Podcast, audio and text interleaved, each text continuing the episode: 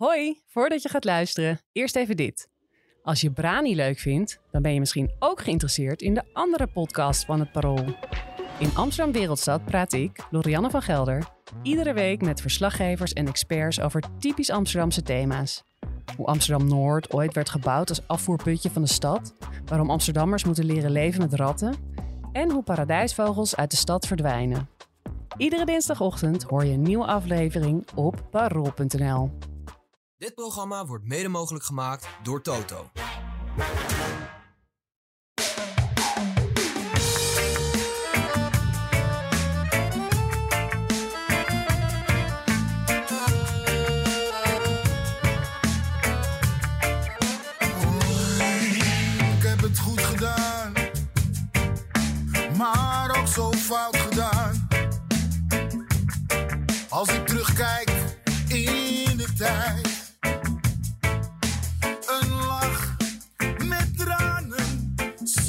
November is nog niet verstreken en Ajax staat met nog een wedstrijd in te halen weer in het linkerrijtje. En dat realiseerde de ploeg door een overwinning die eindelijk weer eens in sommige opzichten bij vlagen soms aanvoelde als een soort voorstelling. Een goede week dus voor Ajax. En voor Brani is het eigenlijk altijd een goede week. Welkom bij een nieuwe aflevering van eh, je favoriete maandagochtend podcast. Welkom bij Brani. Mijn naam is Menno Pot. Ik zit aan tafel met Job van Kempen van het Parool. Goedemorgen Job. Goedemorgen Menno. En Wessel Kroon van Ajax Showtime. Goedemorgen. En we gaan het hebben over een lekker 5-0. Dat is even geleden. Sterker nog, voor Wessel is het de eerste keer dat hij het hier bij Brani mag hebben over een overwinning. Ik weet niet wat ik meemaak. Ja, het is, is- eh, een nieuw fenomeen voor mij. Onwennig. Onwennig. Ja, hij heeft er even op moeten wachten, Wessel. Maar eh, eh, nu mag het dan toch 5-0 tegen Vitesse. Heb je eigenlijk genoten, Wessel? Of, eh, Ik heb zeker genoten, vooral de tweede helft. Ja. ja? Ja, het was, eh, in de eerste helft was het na de eerste twee doelpunten nog wat onwennig. Maar eh, in de tweede helft heb je eigenlijk Vitesse nauwelijks aan kansen toezien komen. Ja. Het was eh, constant op de helft van Vitesse. En eh, nou ja, lekker wegkijken zo'n wedstrijd. Zonder stress. Was Ja. dit de zwakste eh, ploeg waar tegen Ajax gespeeld heeft tot nu toe, Job? Boe, eh, ja, eh, dat denk ik. Ze stonden onderaan. Ehm, Ja, we hebben wel vaker inmiddels eh, de, nummer Volle- laatste. nee, volgens, mij, volgens mij niet. Volendam stond toen net boven Ajax. Of, Ja, we hebben? FC Utrecht als nummer laatst gehad. We zijn, één, ja, dat is waar, ja. Ajax is natuurlijk zelf een, een tijdje geweest. Ja. Eh, dus wat dat betreft de nummer laatst is vaak op het veld eh, geweest bij Ajax, zeg Mhm. maar. Ja, het is natuurlijk ook Ja. lastig te vergelijken, omdat nu zit je in een betere fase dan toen. Dus of je nou kan Ja. vergelijken of Utrecht toen slechter was of Vitesse nu, dat is natuurlijk anders. Nou, ik vond Vitesse wel slecht, eerlijk Ja. gezegd. Ja. Echt, eh was ook wel lekker om eh, eventjes naar zo'n 5-0 toe te lopen tegen deze zijn, zijn, ze, zijn zij nou zo slecht? Of, eh, hè? Ja, ja dat zou je, die vraag zou je bijna, bijna gaan stellen. Ehm, we moeten even kijken naar, die, naar de opstelling waarmee Ajax aan die wedstrijd begon. Want daar zaten wijzigingen in, omdat eh Josip Soetalo en ook Brian Brobby geblesseerd waren. Daardoor zag het er allemaal wat anders uit. Kun jij je licht eens laten schijnen op de achterhoede, hoe die stond en hoe die functioneerde, Wessel? Nou ja, in de achterhoede hebben we natuurlijk de afgelopen wedstrijden sowieso gezien dat er eh, vaker geëxperimenteerd werd met eh divine range vanuit de as. En eh, dat wierp heel erg zijn vruchten af tegen, tegen Vitesse. Je, je had nu de afwezigheid van Soetalo, anders kan je je afvragen of hij daar ook had gestaan, range. Ehm, en ik ben gewoon heel blij dat, dat die guy nu ook laat staan, want die heeft zich echt heel goed herpakt, vind ik, na zijn nou ja, slechte wedstrijd tegen Feyenoord. Ja, En dat vind ik nogal knap op die leeftijd. Zeker als je nog redelijk onervaren bent. En ja, Rens die, eh, die, die, die deed je echt denken inderdaad aan een... Nou ja, bij Vlagen echt aan Timber. Hoe die daar van achter eh, kon, kon indribbelen, middenveld in. En ehm, nou ja, echt voor de opbouw kon zorgen. Dat, dat heb ik Soetalo nog niet zo vaak zien doen de afgelopen wedstrijden. Terwijl die ook Ja, eh, beter begon ging die spelen. te doen, hè? Begon Ja, het ja. even te zijn er verdediging. Ja, ja, zeker. die, is, eh, die, die begon dat ook te doen. Eh, maar eh, het duootje eh Rens-Hato, dat had wel wat, Job. Ja, klopt. En toch denk ik dat die Sutelo weer op gaat stellen als hij fit is. Ja, Ja, ja dat denk ik ook. Ja, maar, 23 miljoen is een hoop geld, toch? ja dat speelt ook een rol, ja. Ja. Eh, maar dan, dan is de vraag, wil je... eh maar Rentje heeft ook nog een tijdje op het middenveld gespeeld op het einde van de wedstrijd. Dus op de, eh, de posities van controlerende middenvelden. Ja, ja. waar, waar, Ajax eigenlijk een, een, een nieuwe speler zou moeten hebben. Op die plek. Want Ja. Daar is Van de Bomen, die is geblesseerd nou. En dat is de... en Tahirovic is...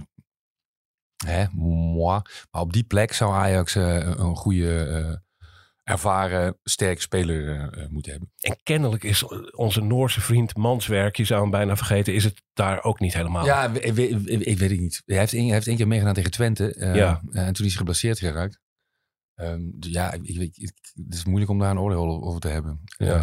Eh, Wel een rare figuur, een, een raar Ajax-verhaal eigenlijk, hè, van Rens, die tot talent van de toekomst werd uitgeroepen. De beste speler van de jeugdopleiding, en al heel wat jaren geleden weer. Eigenlijk werd hij tot beste speler van de jeugdopleiding uitgeroepen als centrale verdediger.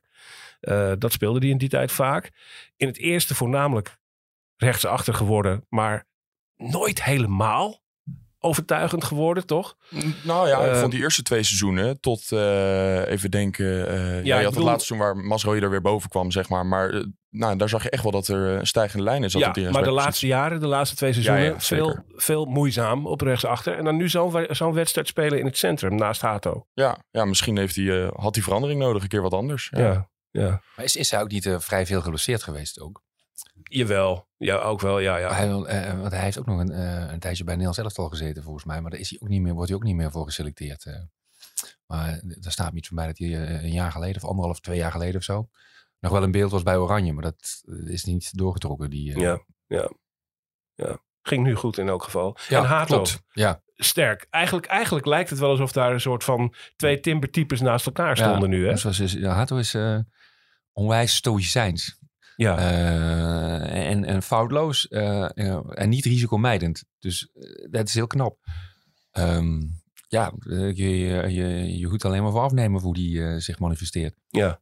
Dat is ook iets dat, dat, dat zit in je. Dat maakt leeftijd niet uit. Maar als jij van nature zo rustig en kalm bent, zoals Hato altijd is geweest, ook naar de media toe en, eh, en ook in het veld, ja, dan, dan maakt het niet uit dat je pas 17 bent. En hij kan ook linksback spelen. Dat vindt hij ook eh, eh, prima. Hij- Het is echt een, echt een hele getalenteerde, goede voetballer. ja. En een beetje dat wat je bij, bij Timber destijds ook had. van Wanneer komt die terugslag? En hij komt maar niet. Die, die eh, Hij zal nog wel een keer komen, maar ja, Eh, hij zal wel iets minder gaan spelen, maar in, in potentie heeft hij eh, eh, zoveel kwaliteiten dat hij, als hij die, terug, als hij die krijgt, dat hij, die, dat hij daarna wel weer terugkomt op zijn oude niveau, denk ik. Ja. Het is echt, het is wel indrukwekkend hoe hij, hoe hij speelt. En niet alleen dan tegen Vitesse, maar ook eerdere wedstrijden. Een onwijs stabiele factor en dan ook nog in een periode waar in Ajax heel instabiel was. ja, Vorig jaar, vorig seizoen moet ik zeggen, eh, eh, was hij ook stabiel. Hè? Het is, het is, eh, eh, werkelijk waar bewonderenswaardig. ja. Het enige lastige is natuurlijk dat je. eh, het werkt uitstekend nu, dit, dit verdedigende duo. Maar als je tegen eh, betere tegenstanders komt te spelen. of tegen een, ik noem maar wat, een PSV met een kopsterke Luc de Jong. Ja, dan heb je natuurlijk wel een probleem. Want je speelt nu wel met een centraal duo die eh, in de lucht heel kwetsbaar eh, beide zijn. Ja, door Berghuis nog opgemerkt. Eigenlijk maar één goede kopper in de ploeg Ja. gisteren. Dat was dan Akpom. Die stond niet echt bepaald op de plek om een eventuele Luc de Jong tegen te houden. Eh, dus eh, dat doelpunt van Hato. Dit bekroont hij eigenlijk zijn goede spel. Zijn goede ja, optredens tot nu toe. Bekroont hij met een doelpunt al na drie minuten. Aanval door hem zelf opgezet. Daarna krijgen we eh, een, een gelijkmaker van Vitesse te zien. Wessel. Ja. Die, eh, die toch ook even besproken moet worden. Hè? Nou ja, ik, ik, ik zat in het stadion en ik, ik keek meteen naar achteren. Want eh, de- mensen met wie ik altijd ga, die zitten achter mij. En wij zeiden eigenlijk meteen, het, het verdiende eigenlijk bijna gewoon een doelpunt. Ik was heel blij dat het geen doelpunt was. Want een keer de nul houden was ook wel lekker. Maar ja, hoe hij die bal aanneemt. Ja, net dan in buitenspelpositie. Maar dat doet hij zo knap, controleert hij hem. En dan eigenlijk, ja, het leek een hele bekeken balletje dan net over Ramai heen. Ja. Maar eh, alles klopt eigenlijk. Hij deed alles goed. Diagonaal, verre hoek. Eh, met, een, met een gemak eigenlijk, met een, een souplesse. eh, waar je de hoed diep vooraf nam opnieuw. Maar Ja, het mocht niet zo zijn. nee, nee, het was schitterend. Ja, ja. Was het eigenlijk buitenspel, jongens? Ik, eh, ik weet het niet. Ik heb hem niet teruggezien daarna. Maar ik zei wel in het stadion meteen. Ik zeg niet dat ik eh, de millimeters verschil zou kunnen zien. Maar ik zei meteen van volgens mij is het buitenspel. En toen vlagde hij hem af. Maar volgens mij was het niet met het blote oog waar te nemen uiteindelijk. Nee. Nou, het is, het is, volgens mij was het op televisiebeelden niet waar te nemen. Want Nee, er werden geen lijnen Nee, getrokken en dan gaan ze af op de waarneming van de scheidsrechter. Eh, of van de grensrechter in dit geval. Ehm, ja, Dit was zo'n geval waarbij je denkt... ik neem aan dat de VAR een ander lijntje had dan wat wij op eh, televisie te zien kregen. Want daar was het niet buitenspel in elk geval. Eh, en dan is het eh, de, de doorslaggevende factor natuurlijk dat eh, de grensrechter aanvankelijk met zijn vlag omhoog stond. En de beslissing dan niet wordt teruggedraaid wegens twijfel. Ehm, eh, in dit geval in, in het voordeel van Ajax. Het is niet vaak voorgekomen dat Ajax zichzelf zo, va- zo snel in veilige haven speelde hè, als tegen Vitesse. Ja, 13 minuten volgens mij toch? 2-0. Ja. Ja. Ja. Ja, dat ging vrij snel. Het was natuurlijk ook eh, die, twee, die eerste goal, eh, wat jij al zei, was een hele fraaie goal. eh, opgezet door Hato zelf, maar goede combinatie. En ja, die tweede goal is hetzelfde. Heel goed balletje ook van Tahirovic op Taylor. En Taylor, die bij de eerste goal belangrijk was, ja, die legt hem keurig terug op Linson. En Linson, dat zeggen we de afgelopen weken al vaker, die heeft zo'n goed gevoel voor ruimtes. En die komt daar gewoon perfect op tijd. Ja. Ja. en die rond hem knap af. Ja. Is misschien toch bij uitstek de linie waarin eh, Van het Schip zoekt en veel Ja. verschillende dingen probeert in het middenveld. Ja. Eh, nu met eh Tahirovic, Linson en Taylor natuurlijk. Hoe functioneerde dat wat jou betreft? Ja, als je 5-0 wint, moet, je, moet je zeggen dat het in ieder geval niet slecht functioneert. Scorebordjournalistiek, Ja, dat klopt. Ehm, maar ik denk dat eh, Linson een hele... het is een beetje een soort ja, grijze muisachtige speler. Ehm, maar ik denk dat hij in de visie van Van Schip heel belangrijk is. Omdat hij heel veel loopt vooral. Hij is een, eh, eh, eh, een speler die de intensiteit die Van Schip wenst best wel goed kan opbrengen. En in mijn ogen vooral in balbezit Ajax. Dus dat hij, hij loopt heel, hij creëert heel veel ruimte voor andere spelers. Hij trekt gaten, hij ontregelt de defensie. Dus ik denk dat het een belangrijke speler is voor, voor Ajax. Ehm, eh, maar eh, wat ik net ook zei, ik denk dat Ajax als verdedigende midden- op, op de positie van verdedigende middenveld nog wel, nog wel iemand kan gebruiken. Ja. De, de, de supporters gillen al een tijd om eh, het, het passeren van Kenneth Taylor. Die eh, zaterdagavond eh, vrij sterk speelde, behoorlijk sterk. Eh, en verrassend ook de aanwezigheid van Tahirovic toch weer. Na Ja. wat hij vorige week in Almere deed met die weggegeven penalty. Dat is een opvallende keuze. Nou ja, die eh, Van Schip zei eh, eh, over Almere dat er niemand verzaakt had. Wat niet hetzelfde is de, als dat er geen fouten zijn gemaakt. Ja. Nou ja, hij doet iets doms, dat klopt. Maar het, het is niet dat hij eh, eh, stond te kijken naar de A6 eh, in het stadion in Almere of zo. Nee, hij, hij doet iets doms. Maar, eh, en, en volgens mij heeft eh, Van Schip ook niet heel veel andere mogelijkheden. Dat, dat speelt ook een rol, denk ik. Ja, Maar hij, hij heeft niemand gestraft eh, voor eh, die wedstrijd in Almere. nee, nee, precies. Het is wel opvallend wat er met Vos is gebeurd. Hè? Want volgens mij is hij niet geblesseerd. Maar die, eh, die speelde in de, tegen Top Oscar met jonge Ajax mee. 60 minuten. En die zat niet op de bank bij, eh, bij het eerste. Ja, Ja. Geen idee of die er dan nu weer eh, buiten is gevallen. Volgens mij is hij terugkomen van een blessure. Ah ja, dat is waar ook. Hij is natuurlijk Ja. twee weekjes eh, volgens mij Dus geblesseerd. dan maak je geweest. eerst minuten in jong. Ja, en dan ja, eh, zal hij na- daarna waarschijnlijk weer over worden geheveld naar de, e- naar de selectie, naar Ajax 1. Nou ja, dan al helemaal is het natuurlijk logisch dat hij voor uh, Tahirovic kiest. Ja. Je, je hebt gewoon simpelweg weinig andere opties. ja. Ja, Rens dus misschien. Dat de mensen daar een beetje mee Ja, gekeken- dat- ge- geëxperimenteerd. Die heeft in, in vorige seizoenen eh, af en toe ook eh, als, als zes gespeeld ineens. En dan moest hij een beetje doen wat Mazraoui deed. En dat beviel dan heel vaak toch niet. Eh, dus het is, het is toch ja, ook zo rechtsachter en op zes toch vaak minder. En dan nu ineens staat hij er heel erg als centrale verdediger. Dat is een opvallend, eh, opvallende vaststelling. We weten, Wessel, eh, dat gaven verschillende spelers na afloop aan. En ook van het schip zelf. eh, dat van het schip in de rust boos is geweest. Die is tekeer gegaan, of welke woorden gebruikte hij er zelf voor. Was blijkbaar niet tevreden. Waar denk je dat hij niet tevreden over was? Wat heeft hij staan schreeuwen in die kleedkamer? Nou ja, wat, wat ik net zei. eh, Je begint natuurlijk, je hebt echt een bliksemstart. hè. Je staat na 13 minuten, is er eigenlijk al niks meer aan de hand. Maar ja, daarna zakt het toch allemaal een beetje terug. En je merkt ook in het stadion dat iedereen hoopte echt even... eh, nou ja, het is lang geleden dat we een gala-voorstelling hebben gezien in de arena. Ja, Iedereen, Ja, ja. Iedereen hoopte dat het er eindelijk een keer van zou komen. Maar het zakte toen toch in. En er, eh, ja, het leek allemaal, er was geen druk meer op de bal na het eerste kwartier. En daardoor kwam Vitesse ook geregeld tot, nou ja, schotjes van afstand. Maar ook soms gewoon kansen van dichtbij. En je ziet dat dat doelpunt al valt. Die, eh, nou dan nog net voor de 2-0, die wordt afgekeurd. Maar ja, ik snap wel dat hij geïrriteerd was in de rust. Ja, want het, het leek niet zo scherp, dat laatste half uur voor rust. nee. Laatste half uur voor rust. Dat is Ja, ook, weet je wel. Het grootste deel van de eerste helft eigenlijk. Dat Ja. is bijna de hele eerste helft. Ja, eh, eh, maar dat, dat, vond je dat ook echt? Dat het, dat het matig was in die fase?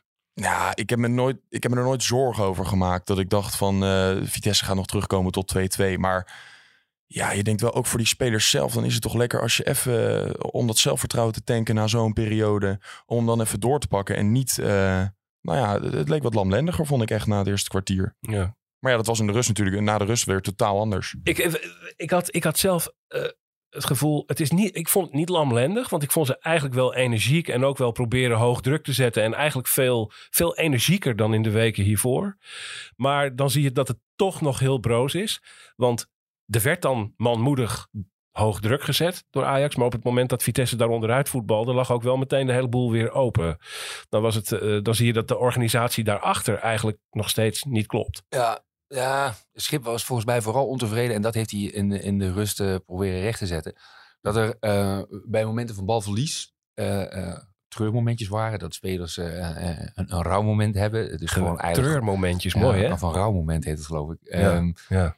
eh, maar de- de- gewoon niet hard genoeg terugrennen. Daar komt het op neer. Ja. Ehm, eh, ja, of dat ze op de grond liggen en niet snel genoeg opstaan. Dus je, je Ja. houdt de druk niet op de tegenstander. Waardoor je Vitesse eh, een beetje helpt. Waardoor ze het middenveld inkomen. En dan eh, ben je daar eh, in de organisatie kwetsbaar. Daar ging het om volgens mij. Ja. En dat heeft hij in de rust weggezet.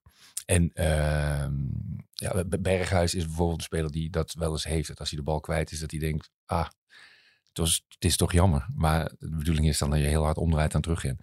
Ja.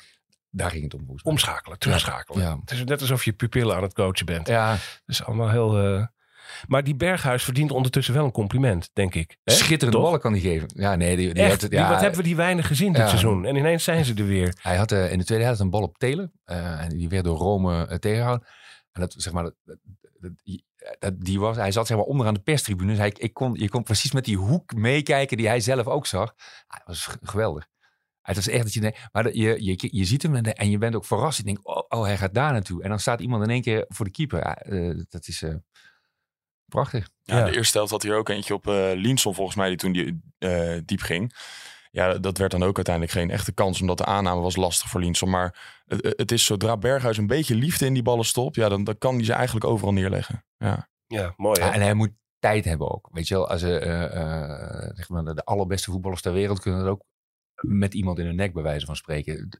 Dat is niet, dat, dat heb ik Berghuis niet vaak zien doen. Maar als hij iets meer ruimte en iets meer tijd heeft, dus, dan kan hij dat wel. Ja, toch, maar toch is het opvallend dat die ballen er ineens tegen Vitesse weer zijn. En dan kun je zeggen, ja, Vitesse is een ploeg die veel ruimte weggeeft.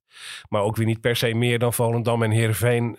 En daar zag je die ballen niet. Ja. Ineens zit dat gevoel er weer in. Liefde, wat je zegt. Ja. En het komt door het rennen. En dat moet je ook niet vergeten. Kijk, want eh, eh, Taylor moet wel eh, eh, die ruimte creëren. Ja, En ja. Liens, Lienson liep daar ook nog. Dus het, het gaat ook dat hij de kans, hij moet er liefde in stoppen, maar hij moet ze ook kunnen geven. En daarvoor is hij afhankelijk van zijn teamgenoten. En dat is een beetje waar, waar Van een Schip eh, de hele tijd op hamert. Ook met die, met die trainingen, eh, die intensiteit van die training. Dat je dus kunt opbrengen om ook die vuile sprintjes, als je de bal niet krijgt, om die te maken. Zowel een bal bezit, dus hè, eh, eh, sprint in de diepe als je het niet hebt, en, en terugsprinten. En eh, eh, dan komen de kwaliteiten van Berghuis bijvoorbeeld ook beter eh, tot hun recht. Ja. We hebben het nu een paar keer gehad over die intensiteit Ja. van John van het Schip. Jij hebt een artikel geschreven in het Parool Ja. deze week. Eh, dat valt online terug te lezen. Moet je maar even doen. We zullen ook een link opnemen in de show notes eh, van Brani. Daar kun je zo doorklikken. Het artikel van Job van Kempen over wat Van het Schip eigenlijk wil met Ja. deze ploeg. En wat hij zo op dit moment aan het bijbrengen is. Ja, Eh, kun je daar iets meer over vertellen wat daarin staat? ja het, komt er heel simpel gezegd op neer dat ze eh, eh, vaker dus gewoon fitter moeten zijn. Dus korte sprintjes moet, moeten kunnen eh, trekken en, en, en daar meer. Eh, eh, dat, dat meer doen. Dus meer kunnen opbrengen om eh, eh, energiek te voetballen. Ja. Ehm, ook de, de, de, de, de ruimtes zeg maar, tussen de linies moeten, moeten kleiner worden. Het zijn al van die trainerstermen. Eh, de ruimtes tussen de linies moeten kleiner worden, zodat als je balbezit hebt, ja, misschien eh, eh, kunnen we terugdenken aan eh, Ajax, Feyenoord onder Stijn, dat er, of Ajax AZ eh, onder Stijn. Ja. Dan, dan vallen er zulke grote gaten op, op zo'n middenveld. De, de middenveldloze fase. Ja, van, de midden- van, Dat waren ongeveer alle wedstrijden Ajax. onder Ja, Stijn, ja. ja. Maar dan wordt, kijk, dan wordt voor de tegenpartij wordt voetbal een soort damme dan, weet je wel. Dat, dat, dat die stenen te ver uit elkaar staan en je gaat ze van de een naar de ander. En dan is, dan is het heel makkelijk om, eh eh om er doorheen te spelen. Ja, en dat moet allemaal korter op elkaar zitten. En dat moet je kunnen opbrengen. En de structuur waarbinnen je dat doet en de fysieke gesteldheid die daarvoor nodig is, eh, dat zijn kernpunten van, eh, van, van het schip. Ja. Los van het feit dat hij ook, eh, anders dan Stijn, ehm, oog heeft voor het teambelang. Maar dat is goed, dat hebben we eerder besproken, denk ik. Eh, dat hij, dat hij gewoon eens vraagt aan jongens, hoe gaat het nou eigenlijk? En dat die mensen het gevoel, heeft, het gevoel geeft dat ze welkom zijn. Dat helpt natuurlijk ook wel. Want je moet met die selectie verder. En dat maakt volgens mij dat eh, eh, Van Schipper dus ver, ja, meer grip heeft gekregen eh, op Ajax dan Stijn eh, gehad heeft. Ja. Ja, wat ik moet- daar moet nog bij zeggen, eh, Van een Schip wil nooit over Stijn spreken, wat hem ook wel siert. Ja, hij, heeft, dat is- hij heeft geen zin om, om, om iemand anders af te zeiken. Dat is chic ja, dat is wel chic, Ja. ja. Maar goed, hij, doet, hij doet natuurlijk wel dingen anders. Ja, Wessel. het is wel opvallend hè, dat, dat als je terugdenkt aan de periode waarin Stijn naar Ajax kwam. Eh, eh, dat er toen gezegd werd, eh, nou tactisch moeten we het allemaal nog maar zien hoe sterk die man is. Daar waren wel wat twijfels over, zo links en rechts. En het voordeel van de twijfel dan maar. Maar twee dingen moest je Stijn nageven. Het was een teambuilder en zijn teams zijn altijd heel fit. En wat zijn nu de twee eigenlijk ontluisterende vaststellingen bij het Ajax van nu? Dat hij alles was behalve dat. dat er nooit iets tegen die jongens gezegd is. Dat ze nooit een, het gevoel hebben gehad dat ze welkom zijn. En dat Ajax niet fit is. Dan is de populistische vraag: wat heeft die Stijn eigenlijk zitten doen? Nou ja, dat kan je je afvragen, want eh, tactisch heeft hij ook niet veel bijgebracht in die periode. Maar ja, eh, ik was echt, echt nog positief toen Stijn werd gehaald. En dit is exact wat jij nu zegt, wat ik eh, gisteren ook, had ik het met vrienden hierover. Maar ja, dit- het is natuurlijk, het is de druk van een topclub wat anders is. Hè? Maar dan denk ik, ja, ho- hoezo zou je werkwijze? Natuurlijk moet je in sommige dingen anders zijn dan bij een club als Sparta of VVV Venlo. Ja, Maar dit soort dingen, dat, dat, dat is niet anders volgens mij bij Ajax. Omdat het bij VVV Venlo is gewoon eh, met spelers gaan zitten en kijken of hun privésituatie ook goed is. Zeker met spelers die uit het buitenland komen en het daar misschien moeilijk mee hebben. ja. Ehm, ja, en dat is natuurlijk echt. eh, ik weet ook niet waar dat vandaan komt dat hij, dat, eh, dat hij daar goed in was. Want dat is echt 0,0 gebleken bij Ajax. ja. En, en fitheid. eh, we- misschien moeten we dat in twee dingen splitsen. hè. Je hebt intensiteit kunnen brengen. Ja. En je hebt fitheid als zodanig. Ja, ik ben geen inspanningsfysioloog, maar de, de, er zijn volgens mij wel verschillende vormen van fitheid. En de, de, de fitheid, dus eh, ehm, wat je, eh, de, de, dat hangt samen met het soort voetbal dat je wil spelen. Ehm, eh, dan moeten we voor een voorbeeld misschien uitwijken naar Feyenoord, bij Quinten Timber. die als middenvelder nu echt een behoorlijk goed seizoen draait. Eh, en dat heeft volgens ehm, Slot te maken, de trainer van Feyenoord, met het feit dat hij nu gewoon veel fitter is. Dus hij kan Ja, hij, hij kan vaker diep gaan, hij kan vaker uitwijken, hij kan beter omschakelen, waardoor hij als speler eh, eh, gewoon completer is. Volgens mij heb je dat bij Kuxu ook een beetje gezien. En die ontwikkeling, dus dat je gewoon, dat je gewoon vaker in staat bent om, om, om, om sprints te trekken en sneller herstelt van die sprints dus ook. Eh, eh, dat probeert Van een Schip bij, eh, bij Ajax nu ook in te brengen. En Nederlands Ja. elftal, zeg maar, bij, bij, bij, Oranje speelt die discussie ook een beetje. Hulshoff, die, die ze van Feyenoord hebben meegenomen, die ook die intensiteit van die trainingen met zich meebrengt. maar het is het sleutelwoord. Het is het sleutelwoord, De, maar de, Europese topploegen van nu zijn, kunnen allemaal een, een torenhoge intensiteit Ja. brengen. En dan denk je, wanneer gaan ze conditioneel een beetje gas terugnemen? Gebeurt niet. Nee. Die doen dat een hele wedstrijd. Die knallen gewoon continu door met een Ja. hele hoge intensiteit. Dat is een kwestie van inspanningsfysiologie. Ja, Eh, daar heb je op zich niet eh, briljante voetballers voor nodig. Het is gewoon trainen. Ja. Dat is drillen. Eh, en daar lijkt het bij Ajax erg aan te, te schorten. Hè? Dat je ziet dat bijvoorbeeld tegen eh, Brighton thuis en ook uit bij PSV... dat er een helft lang dat gebracht kan worden... en dat het na rust compleet inzakt. ja maar Dan kan Ajax het niet meer leveren. Dat klopt, maar dat, de, eh, eh, dat heeft ook te, te maken met het feit dat je die manier van trainen. eh, het, is niet, zo- het is niet zo dat je dat een week doet en dat, dat, dat je het dan kunt. natuurlijk dat heeft, dat heeft eh, eh, tijd nodig. En lichamen hebben ook tijd om daar aan te wennen. Ja, dat is seizoensopbouw. Er is een seizoen, ja, de, de, de- dat klopt. Er is een seizoensopbouw voor nodig. En die heeft Ajax natuurlijk op een hele rare manier gehad. We hebben wel eens gezegd, volgens mij, dat, dat Ajax nu bezig is aan de derde voorbereiding. En dat idee heb ik nog steeds een beetje. Omdat Ja. ik ook die wissel zag tegen Vitesse. Ik vroeg het van een schip ook nog van, hè, is het dan een beetje een soort... eh, eh, ehm, voorbereidingswedstrijd, zeg maar het laatste deel van die wedstrijd tegen Vitesse, omdat Medic erin komt en eh wie kwam er nog meer in? Forbes kwam erin, dus je, je gaat veel wisselen. Ehm, Mico, Mico Tatsen ook, om te kijken wat ze kunnen. Dat, idee heb ik nog steeds wel een beetje. Je hebt de voorbereiding in, in, in zeg maar, augustus, september gehad. Eh, op het einde van kwamen er nog heel veel nieuwe spelers bij. Eind augustus, dus Ja, dan begint ja, dan weer een nieuwe voorbereiding. Ja. En daarna krijg je een trainerswissel. Eh, Dat is weer een voorbereiding, omdat hij ook anders wil gaan spelen. Dus dat voor je echt, voor, zeg maar, voor je echt eh, zo, zo, zo wil spelen als je kunt, ja, dat gaat niet in, in een ogenblik. Laten we daar misschien Stijn ook een beetje verdedigen. Hè? Dat je, dat je, je zag het bij Peter, onder Peter Bos destijds in 2017 en onder Erik ten Hag later ook. Die zeiden dat ook voortdurend. De intensiteit, de fitheid van die ploeg, dat begint echt op 1 juli. En als je het in die voorbereiding niet goed doet, dan loop je daar het hele seizoen of in elk geval tot aan de winterstop loop je daar achteraan. Dat het Ja. gewoon niet goed is gedaan. Ja, en misschien Zeker. heeft eh, En misschien, wel was die, die, die mogelijkheden waren er natuurlijk niet echt. Nee, en eh, misschien Ajax heeft ook nog wel wat blessuurtjes. Bobby is geblesseerd, Bergwijn afgezegd voor Oranje. Rens is een tijdje niet fit geweest. En. Mhm. Misschien zijn dat ook eh, gevolgen van, de, van het feit dat, dat je eh, intensiever, intenser, eh, intensiever bent gaan trainen. Ja. Dat sluit niet uit. Ja. Je krijgt wat spierblessures, wat, wat, wat, wat, wat klachtjes krijgen ook. Ik vind wel veel van het schip eh, eh, pleiten dat hij met dit soort dingen erg bezig is. Ja, dat, dat en, geeft het, mij- en, het is, en, en het is leuk voetbal. Tenminste, het is leuk om naar te kijken. Ja. Ja. Ja. Ja. het is knap, want hij krijgt eigenlijk natuurlijk, eh, nou wat vanmorgen naar buiten kwam, dan gaan ze op 2 januari naar Cadiz volgens mij uit mijn hoofd. Op, ja, eh, Cadiz, ja. op, ja. op trainingskamp. moeten we zeggen. Hè? Cadiz. Dat is het eerste weekje dat hij in principe, het volle weekje wat hij gaat krijgen dit seizoen, dat hij echt met de hele groep kan trainen. Want dat heeft hij nog niet gehad. Want Ja. je hebt iedere keer interlandperiodes, Europese wedstrijden. Eh, ja, dan heb je echt nog nooit eh, een weekje voorbereiding gehad. Ongelooflijk fijn daar trouwens, Cadiz. Cadiz. Ja, ik moet mee Ik op ik, ik, ik, geweest. ik, ik moet mee op Dat trainingskamp. Hoor, dat hoor ik al. Even lekker in, eh, in januari eh, een weekje naar Ja, Cadiz. dat zie ik wel zitten, ja. Me Ja. gusta mucho. Ja, dat is eh, een, een, een hele fijne plek waar Ajax zich gaat voorbereiden op de eh, het tweede seizoenshelft. Wessel, na rust. Eh, jij zei na rust heb je met name genoten van Ajax. Ja. Waarom? Wat was er zo mooi om te zien aan Nou ja, wat Ajax deed? Eh, sowieso eh, kon ik lekker. Ik zat, dan, ik zat aan de kant waar Ajax de tweede, eh, tweede helft naartoe speelde. Nou, ik hoefde mijn nek niet te draaien. Ik kon constant dezelfde kant lekker opkijken. Want eh, Vitesse kwam er nauwelijks meer aan toe. En ja, eh, het is natuurlijk heel lekker om een keer zorgeloos zo'n wedstrijd weg te kijken. Waarin Ajax constant kans aan het creëren is. En je geen zorgen hoeft te maken over, eh, over tegendoelpunten. En eh, als dat dan ook nog eens gebeurt met, eh, nou ja, de 5-0 was natuurlijk echt een mooi doelpunt ook nog.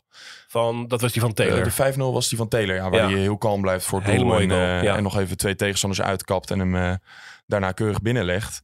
Ja, dan, dan is het eigenlijk een perfecte avond. wat was er anders aan Kenneth Taylor op deze avond? Nou, dat, dat is toch wel, dat heb je denk ik altijd al bij hem gezien. En ik heb het altijd een soort van vorm opgenomen daarin. Hij is heel vaak ook volgens seizoen op de zespositie gezet of op andere plekken. En dan kwam hij inderdaad niet goed uit de, eh, uit de, uit de verf. Maar ehm, ik heb ook altijd gezegd, eh, hij is geen zes. En eh, Kenneth Taylor is echt een acht. Het is, hij moet echt op die voetbalpositie, laten we het maar even zo noemen. Ja. eh, moet hij staan dat hij de vrijheid heeft om te kunnen draaien en te kunnen voetballen. Want dat was nu zo het geval. En dat staat hij bijna nooit. En je ziet dat hij dat echt heel goed kan. ja. Gewoon de bal krijgen en het spel verdelen daarna. Zijn hele spel speelde zich eh, 15 meter verder naar voren af. Ja. En dat, dat is waar hij op zijn beste... Ja, ja. Ja, dat denk ik ook. Mico Tats heeft het ook een beetje volgens mij. Dat die, de, die wedstrijd tegen Almere. eh, eh, ja, dan loopt hij een beetje over dat middenveld heen. Maar dan komt hij niet echt. Als hij in, de- zeg maar in de buurt van de 16 komt, is hij waardevoller met zijn draaien en kappen en eh, met zijn acties. Dat past bij hem. Maar Kenneth Taylor heeft dat waarschijnlijk ook een beetje. Hij heeft bij Jong Oranje ook goed gespeeld. Ja. Dat is echt fijn. Een, een eh, Ajax-wedstrijd waarin we een keertje echt hebben kunnen genieten van Taylor en Berghuis. Toch twee veel bekritiseerde figuren van de afgelopen tijd.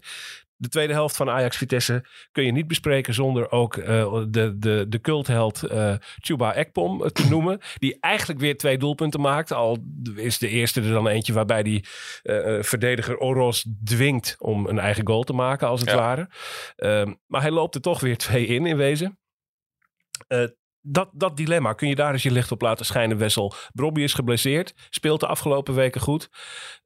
Ekpom scoort elke week sinds hij erin staat. Nou ja, het is lastig als je nou twee precies dezelfde type spitsen hebt. En de een is beter, dan is de keuze heel gauw gemaakt. Dan stel je beter op. Alleen het lastige bij de, de kwestie Bobby Akpom is dat het twee compleet andere spelers zijn. Met, met het opstellen van Akpom kies je voor een spits, wat eh, Van het Schip voor de wedstrijd ook zei, die echt een neusje voor de goal heeft en een doelpunt kan maken. Ja. Meerdere doelpunten kan maken. Goed is zonder bal. Eh, ja, maar eh, Bobby, ja, die, die maakt veel minder doelpunten, dat blijkt. Maar die is voetballend, heb ik de afgelopen week gezegd. Die is zo belangrijk voor het spel van Ajax ook, om die bal daar vast te houden. En dat levert Ajax ook echt veel op. Eh, tegen Almere zei ik ook, Bobby scoort niet, maar eigenlijk maakt hij anderhalve goal. Want eh, anderhalf van de twee goals Ja, ja. Is, is echt zijn verantwoordelijkheid.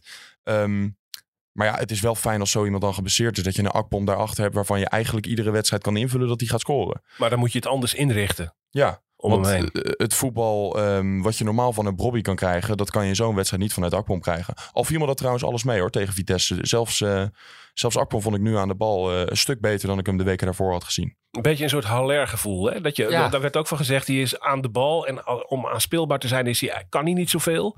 Terwijl je gaandeweg toch ook ging denken, dat doet hij eigenlijk ook helemaal niet zo slecht. Ja, ja.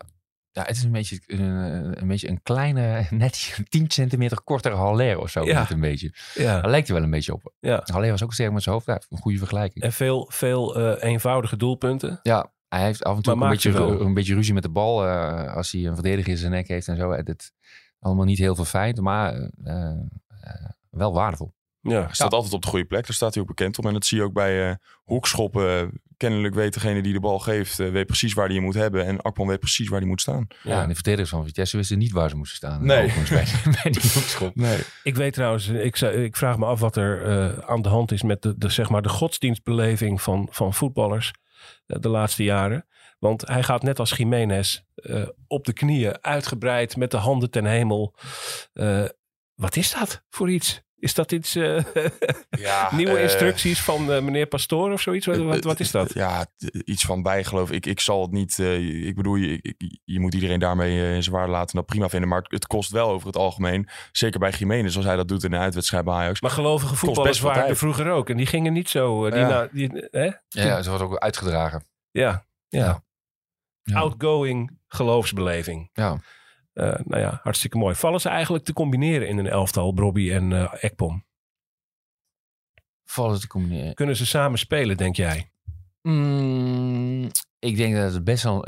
Ja. Eh, namelijk, als je achter staat en je moet iets forceren... dan zou ik Ekpom er gewoon bij gooien. Voorin. En Robbie laten staan. Ja. Ehm, ehm, ja, en je, je zou, hij kan ook nog als nummer, zeg maar, als nummer 10 spelen. Maar dan moet je dus met twee middenvelders spelen, zeg maar de linkshalf en de rechtshalf, die wat verdedigend spelen en een nummer 10. Terwijl Ajax vaak met een verdedigende, zeg maar, controlerende middenvelder naar punt naar achter, punt naar voren. Dat, dat is een beetje de Ja, vraag dan. ja. Maar dan ga je dat, weer- je- dat kan wel, denk ik. Daar beginnen, wat, weer- er beginnen wat luxe probleempjes te ontstaan. Heerlijk, Hussel, toch? eh, Voorin. Ja, maar dan ga je natuurlijk ook weer iets compleet anders doen. Want eh, op een middenveld, wat jij net zegt, Job, eh, met bijvoorbeeld eh Akpom op 10, ja, dan heb je ook weer geen ruimte voor een Kenneth Taylor. Tenminste, ja, dan, dan zou je hem op 6 Ja, moeten opstellen. en dan Ja, kan je dat weer niet doen. En ik vind het nou altijd wel lekker. Tenminste, ik kan me niet herinneren dat ik ooit Ajax heb gekeken zonder creatieve 10. Het is eigenlijk altijd. eh, nou ja, een, een Linson is dan misschien wat minder creatief, maar die, die heeft dat in ieder geval nog meer dan Akpom. Ja. Ehm, ja. Dus om dat voetbal erin te houden, zou ik toch wel. eh, als je ze samen zou opstellen, dan zou je eigenlijk met twee spitsen moeten gaan spelen. Maar kan ook. ehm, En dan moeten er weer anderen sneuvelen. Luxe problematiek. Dat is eh, iets wat Ajax dit, seizoen- nog niet zo heel vaak gehad heeft. Maar nu misschien een klein beetje. 5-0 tegen Vitesse. Ehm, eh, laten we die wedstrijd even, even afronden. En even naar de overkant kijken. Eh, jong Ajax, Wessel. Daar had jij iets over te vertellen. Nou, eh, afgelopen zomer op de slotdag werd een relatief onbekende naam, namelijk Ethan Boutera, werd op de slotdag naar Nog Ajax. even met eh, nadruk. Ethan Boutera. Ja, Ethan Boutera. Ja. Een eh 17-jarige Belg. Die geldt als een groot talent. eh, bij Anderlecht komt hij vandaan. Was hij duur? Eh, de, ja, ze hoeven dat natuurlijk nooit te zeggen als het onder de 10 miljoen is. Maar eh, het was waarschijnlijk onder rond de de- anderhalf miljoen. nee, onder de miljoen hoeven ze niet te zeggen. Oh, onder de miljoen? Ja, volgens mij, in ieder geval de Raad van Commissarissen eh, eh, moet goedkeuring geven bij alle transfers boven de miljoen. Oké. Ja, Nou ja. Hij kostte anderhalf miljoen. Ja, dat staat er. En eh, het, het geldt als een, een groot talent in, in België. En ik heb ook eh, twee Belgische journalisten gesproken daarna. Die allebei echt, eh, nou ja, die, die zeiden het is echt, ze balen er echt enorm van bij Anderlecht dat hij weg is. Ja. Maar die raakte volgend seizoen op de helft eh, van het seizoen geblesseerd toen hij nog 16 was. En eigenlijk al op het punt stond om aan te sluiten bij het eerste elftal van Anderlecht.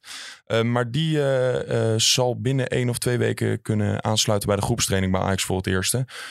Ehm, voor de eerste keer. Dus ik ben daar ook heel benieuwd naar. Die zal dan eh, binnenkort zijn eerste minuten gaan maken in jong Ajax. En, uh, Er is nou een ja, daar zijn wel verdediger, hè? verwachting van. Ja, het is een eh linker centrale verdediger die ook op linksback kan spelen. Oké. Ja. En, en eh, ondertussen is bij Jong Ajax ook eh Ahmed-Jan Kaplan zich aan het aandienen. Daar Ja. horen we hele positieve berichten over dat hij goed speelt. Ja, Eh, dus daar beginnen in de verdediging eh, nieuwe experimenten plaats te vinden. Einde Sosa misschien. En ja, ook ja, oké. Ja, Sosa had natuurlijk nu ook. Kreeg niet de voorkeur opnieuw boven, boven Marta. Ja. Eh, als, eh, maar dan heb je het over linksachter. Ja, link, en linker centraal. Kaplan is linker centraal, hè? Ja, Ja. precies. Eh, dat, eh, dus, eh, Ik, ik heb een goede bericht gehoord over eh, eh, Kaplan, inderdaad. Dat het een. eh, eh, dat hij eh, eh, eh, een extra Ajax-verdediger is. Met, eh, goed verdedigend, maar ook eh, goed in balbezit. ja, durven in te stappen. Ja. eh, dingen durven te doen. Ja, je hoopt gewoon vol omdat hij fit blijft. Want dat is nu ook belangrijk. Je ziet ze zijn heel voorzichtig met Kaplan brengen. Je denkt ook van ja, als hij 60 minuutjes speelt bij Jong... kan hij dan niet op de bank bij het eerste. Maar ze, ze hebben bij Ajax echt gezegd van... Kaplan moet eerst 90 minuten kunnen spelen bij Jong. En daarna gaan ze voorzichtig kijken of hij dan kan aansluiten bij, eh, bij Ajax 1. Ja. En het is dan natuurlijk nog kijken. De, de keukenkampioendivisie is natuurlijk wel wat anders dan de eredivisie. Maar hij maakt een hele stabiele indruk eh, tot Ja. nu toe. Ja. Dus de luxe problemen in de achterhoede komen er ook aan. Zelfs Hè? bij Jong Ajax hebben we luxe problemen zo. Ja, ja, kan je nagaan. Kan je nagaan. Mika Gods die, die het ook nog wel goed bij eh Jong Ajax, toch? Niet? Ja, daar moeten jullie het nog over hebben volgens mij. Ja, ik, wou- ik dacht ik wilde er overheen. Ik eh, hoopte dat je er niet op terug zou komen. Maar eh, dat gebeurt eh, toch. Eh, eh, nou ja, Job, hè, het woord is aan jou. Wat heb je te vertellen? Eh, nou, jij, jij zei dat de Mika Gods eh, in de basis zou staan tegen Vitesse. En ik zei, nou, zo, Ja. zo- ik wil er wel op wedden. Ik denk namelijk van niet. Ja, even het bewijs. We halen het fragmentje er even bij. Dit was eh, in de vorige aflevering van Brani. Eh, Thuis tegen Vitesse, gods in de basis, zeg jij. ik- zullen we daar eens een weddenschapje op afsluiten? Dan gaan we naar kijken. Eh, ja, waar wedden we voor? Zeg het maar. ja, wat zullen we eens doen? Ik zeg van niet namelijk. Oké, oké. Nou ja, ik- oké, dan zeg ik gewoon van wel. Komen we op terug. En dan, dan we doen het op een handdruk. Nou, Job, Ja, hoi. gefeliciteerd. gefeliciteerd. Waar hadden we ook weer om gewet? ja, om een handdruk geloof ik. Handdruk. Ja. We geven hem as we speak. Op dit moment Ja. geef ik... Geef ik eh, ja, ik had gedacht dat eh, Gods de kans in de basis zou krijgen. Ja. Eh, niet Waarom, gebeurd. waarom dacht je dat eigenlijk? Ja, eigenlijk vooral omdat jij dacht van niet. Oh, echt? Dus het een beetje... ja, laat ik het daar maar op houden. Ik dacht, hè, dan hebben we tenminste een weddenschap. Ja, ik, de reden waarom ik, waarom ik dacht van niet is... is eh, eh, ehm, kijk, Ajax is ook nog altijd een beetje die, die nieuwe spelers tegen het licht aan het houden. Ja, Gods is eh, eh, geen nieuwe speler. Die heeft, eh, tenminste, die, heeft niet zoveel gekost. Dus als je, eh, als je een beetje wil kijken wat die spelers nou precies kunnen, dan ga, dan ga je die ook opstellen. Dus als die, eh, laat ik zo zeggen, als die niet voor Bergwijn gekozen hebben, wat, wat eh, ehm, een schip, eh, wat uitzonderlijk zou zijn, want het is een aanvoerder, dan had hij voor Forbes gekozen. En ja, Berghuis, of, dat is ook niet een speler die je er 1, 2, 3 uithaalt. Dus Nee. hij, hij gaat, Nee. als, je, als je al gaat, gaat veranderen, dan ga je veranderen in de nieuwelingen en, en niet in de spelers van Jong Ajax, denk ik. ja, ja. Het is, het is, eh, de, Dat was mijn estimated. eh, Ja. ja. Het Nee, de redenering snijdt hout. Ik moet hier door het stof. is jammer Ik dat we ineens omgewet hebben. verloren. Ja, ja, nee, dat, ja, ik dacht, ik kijk wel uit. Wil je nog een weddenschap doen? Of niet? ik zou niet weten waarover. Eh, nou ja, over, over, over Olympique Marseille, Ajax. eh, ja, ja. Ik- En uh, Ramai Roelie. Ik ik kunnen we ook nog een weddenschap om doen. Oh, ja, nee, Ramai blijft staan. Maar dat denk jij volgens Ja, mij ook. denk ik ook, Ja. Ik denk ook wel raar. volgens mij heeft niemand het opgemerkt. De pasveer, die was er niet. Hij is Die, geblesseerd volgens mij. Ah. Ja. Ja. Die heeft ook wel... eh, ja, dat is natuurlijk ook op deze leeftijd. Dan krijg je steeds meer... eh, Ja, dan krijg je van extra vrije dagen ook, hè? Ja, Als de, grijze, als de grijze haren komen, komen ook de blessures meestal. ja, ja. Eh, Dan krijg je meer kleine kwaaltjes. Ja. Wat ik nog zat te denken trouwens. Die manhoef van Vitesse. Million. Moeten we die, moet die, ja, mil- miljoen... eh, Ja, het is de zoon van eh eh, moeten die niet Melvin halen? Moet Ajax die niet halen eigenlijk? Ik weet niet hoeveel die, ik weet niet hoeveel die kost. Voor, voor een miljoen kun je hem best halen, is niet zoveel. Ja, Hij is de zoon, hij is de zoon van eh eh, eh, Melvin Manhoef, ken je die? nee. Hij is een kickbokser van een, Ja. een, een K1-vechter. Oké. Ja, Nou, dat is gunstig. Ja. Hij is, eh, is een goede speler. Nou ja, Eh, het, eh, het is een, een, een moeilijk te bespelen eh buitenspeler. Hij is snel. verschrikkelijk snel. Ja. ja. Dat, en hij, hij valt me nu een aantal edities van Vitesse Ajax en Ajax Vitesse achter elkaar. Al een aantal seizoenen valt hij op dat hij het Ajax altijd heel erg moeilijk maakt met, eh, met zijn snelheid. En, dat, eh, en ook doelpunten trouwens. Eh, dus eh, alleen dan zaterdag even niet. Eh, nou ja, misschien, misschien, misschien. Ja, hij heeft wel eh, Forbes hebben ze op die posities hebben wel wat Forbes. Ze, ze hebben wel iets gekocht. eh, ze hebben alleen nog geen rechtsbuiten eigenlijk. de potentiële basisspeler Mika Gods. Die tegen Top Os dit weekend eh, de enige goal van de wedstrijd maakte. Jong Ajax won. Staat nu 17e. Dat is nog altijd natuurlijk heel erg laag. Ook lager dan de meeste andere jong teams in de keukenkampioen divisie. Maar er zit wel verbetering in. Er Zeker. begint, er begint schot in te komen bij Jong Ajax in het voetbal. Ja, er zit een eh, stijgende lijn in. Aan het begin van het seizoen kregen ze veel doelpunten tegen. En dat, eh, nou ja, de- ook dat heeft natuurlijk te maken met de terugkeer van, van Kaplan. Maar dat, dat is nu heel anders. Ze krijgen weinig doelpunten tegen. En zit, nou, je zit regelmatig naar leuk voetbal te kijken. Ja, nou, nou hartstikke mooi. Ehm, we gaan even nog Ja. heel even vooruit naar, naar Olympique Marseille eh, Ajax. Dat is dan donderdag. Eh, we gaan over die wedstrijd praten in een extra Brani-editie op eh, vrijdagochtend rond lunchtijd. Zoals we dat altijd doen. Want hoewel het allemaal een beetje in treurnis is weggezakt en de missie tamelijk kansloos voelt, is hij dat niet, Wessel? Want als Ajax wint, kan het nog, hè? Reken het eens even voor. Ik heb eh, de vorige keer gezegd dat ik de kans reëler vind dat je nog doorgaat in Europa League dan die nu lijkt op papier. Want het ziet er heel somber uit als je naar de stand kijkt. Ja. Ajax staat op eh, twee punten, eh AEK op vier, Brighton op zeven en Marseille op acht. Acht, ja. Eh, maar ja, als jij van eh, Marseille weet te winnen uit, wat al een hele klus op zich wordt, maar ehm, daar heb ik een stuk meer vertrouwen in dan de vorige keer, omdat het nu toch een stukje beter gaat eh, bij Ajax. Heel stuk beter. Ja, daar waarschijnlijk ook. Maar, maar, ja, maar ik bedoel, je moet er altijd voor gaan. En ehm, dan sta je drie punten achter op Marseille, die nog naar Brighton moeten, terwijl Ajax thuis tegen AEK moet. Ja, dan heb je op papier een makkelijkere wedstrijd. Dus dan zou Ajax zo nog, als je hem wint, op acht punten kunnen eindigen. En Marseille, ehm, ja, die zie ik niet zo snel winnen bij Brighton uit. De, ik, Nee. ik wil niet zeggen dat de kans groot is dat je doorgaat, maar het- ik zie het gebeuren. Nee, nog. en, en als Ajax op acht punten, eh, al- als Ajax op evenveel punten eindigt als Marseille, dan betekent dat eigenlijk per definitie dat Ajax boven Marseille staat, omdat dat dan eh, door het eh, onderling resultaat zo, ja, ja, ja. eh, zo het geval is. Dus dan, dan zou Ajax nog bij de bovenste twee kunnen komen. Maar dan moet er dus wel gewonnen worden. Ja, en, en wat sowieso belangrijk is natuurlijk, als je überhaupt Europees voetbal wil blijven spelen, dus ook als je Conference League moet spelen, mag je, of je nou wint of verliest van Marseille, je mag van AEK thuis sowieso, ehm, nou eigenlijk moet je die winnen. Als Ja. je nog actief wil blijven in Europa na de winter. Ja, want als je die verliest, dan is de kans groot dat je op een vierde plek eindigt en dan is het klaar. Ja. Ja, ja. dus het, er kan nog best wel veel. Ja. Ja, allebei eh, afscheid genomen van de trainer, eh, Marseille en Ajax.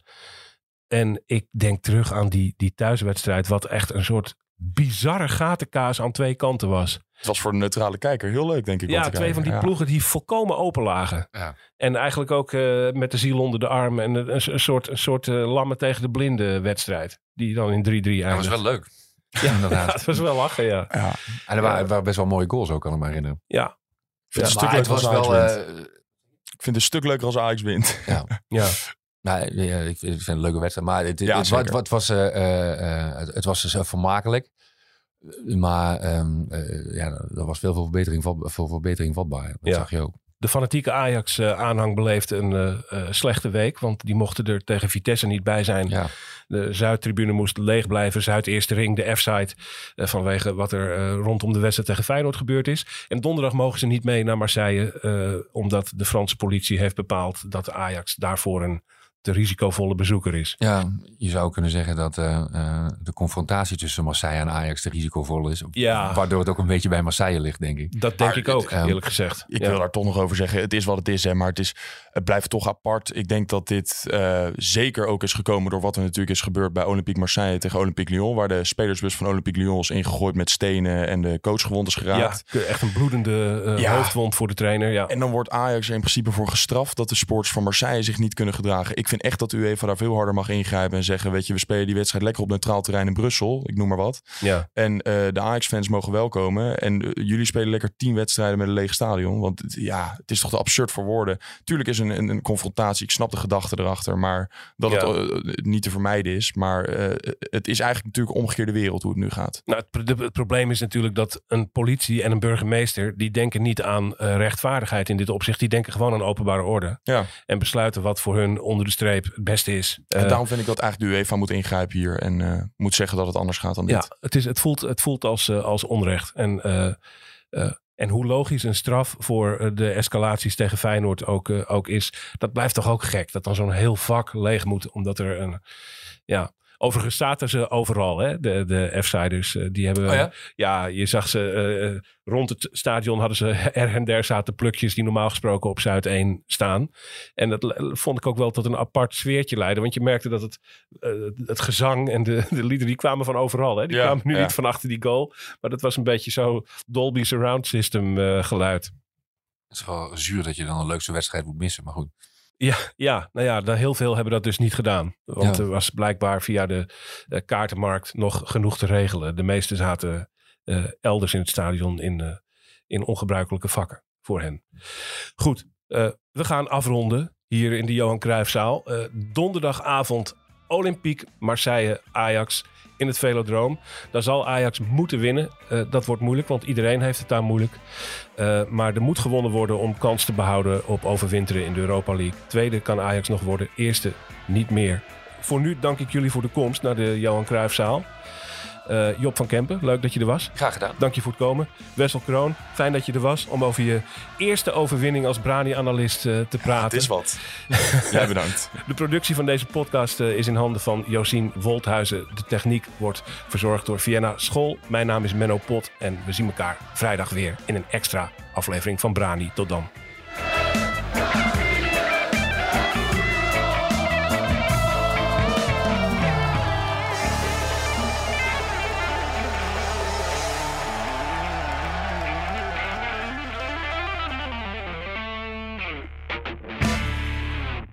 Hallo, ik ben Camilla Leupen, hoofdredacteur van Het Parool. Heb je genoten van deze podcast? Dan vind je onze artikelen misschien ook interessant. Een abonnement heb je al voor een paar euro per week. Je kan het ook eerst een paar weken proberen. Ga naar parool.nl slash podcastactie voor een actuele aanbieding. Dag!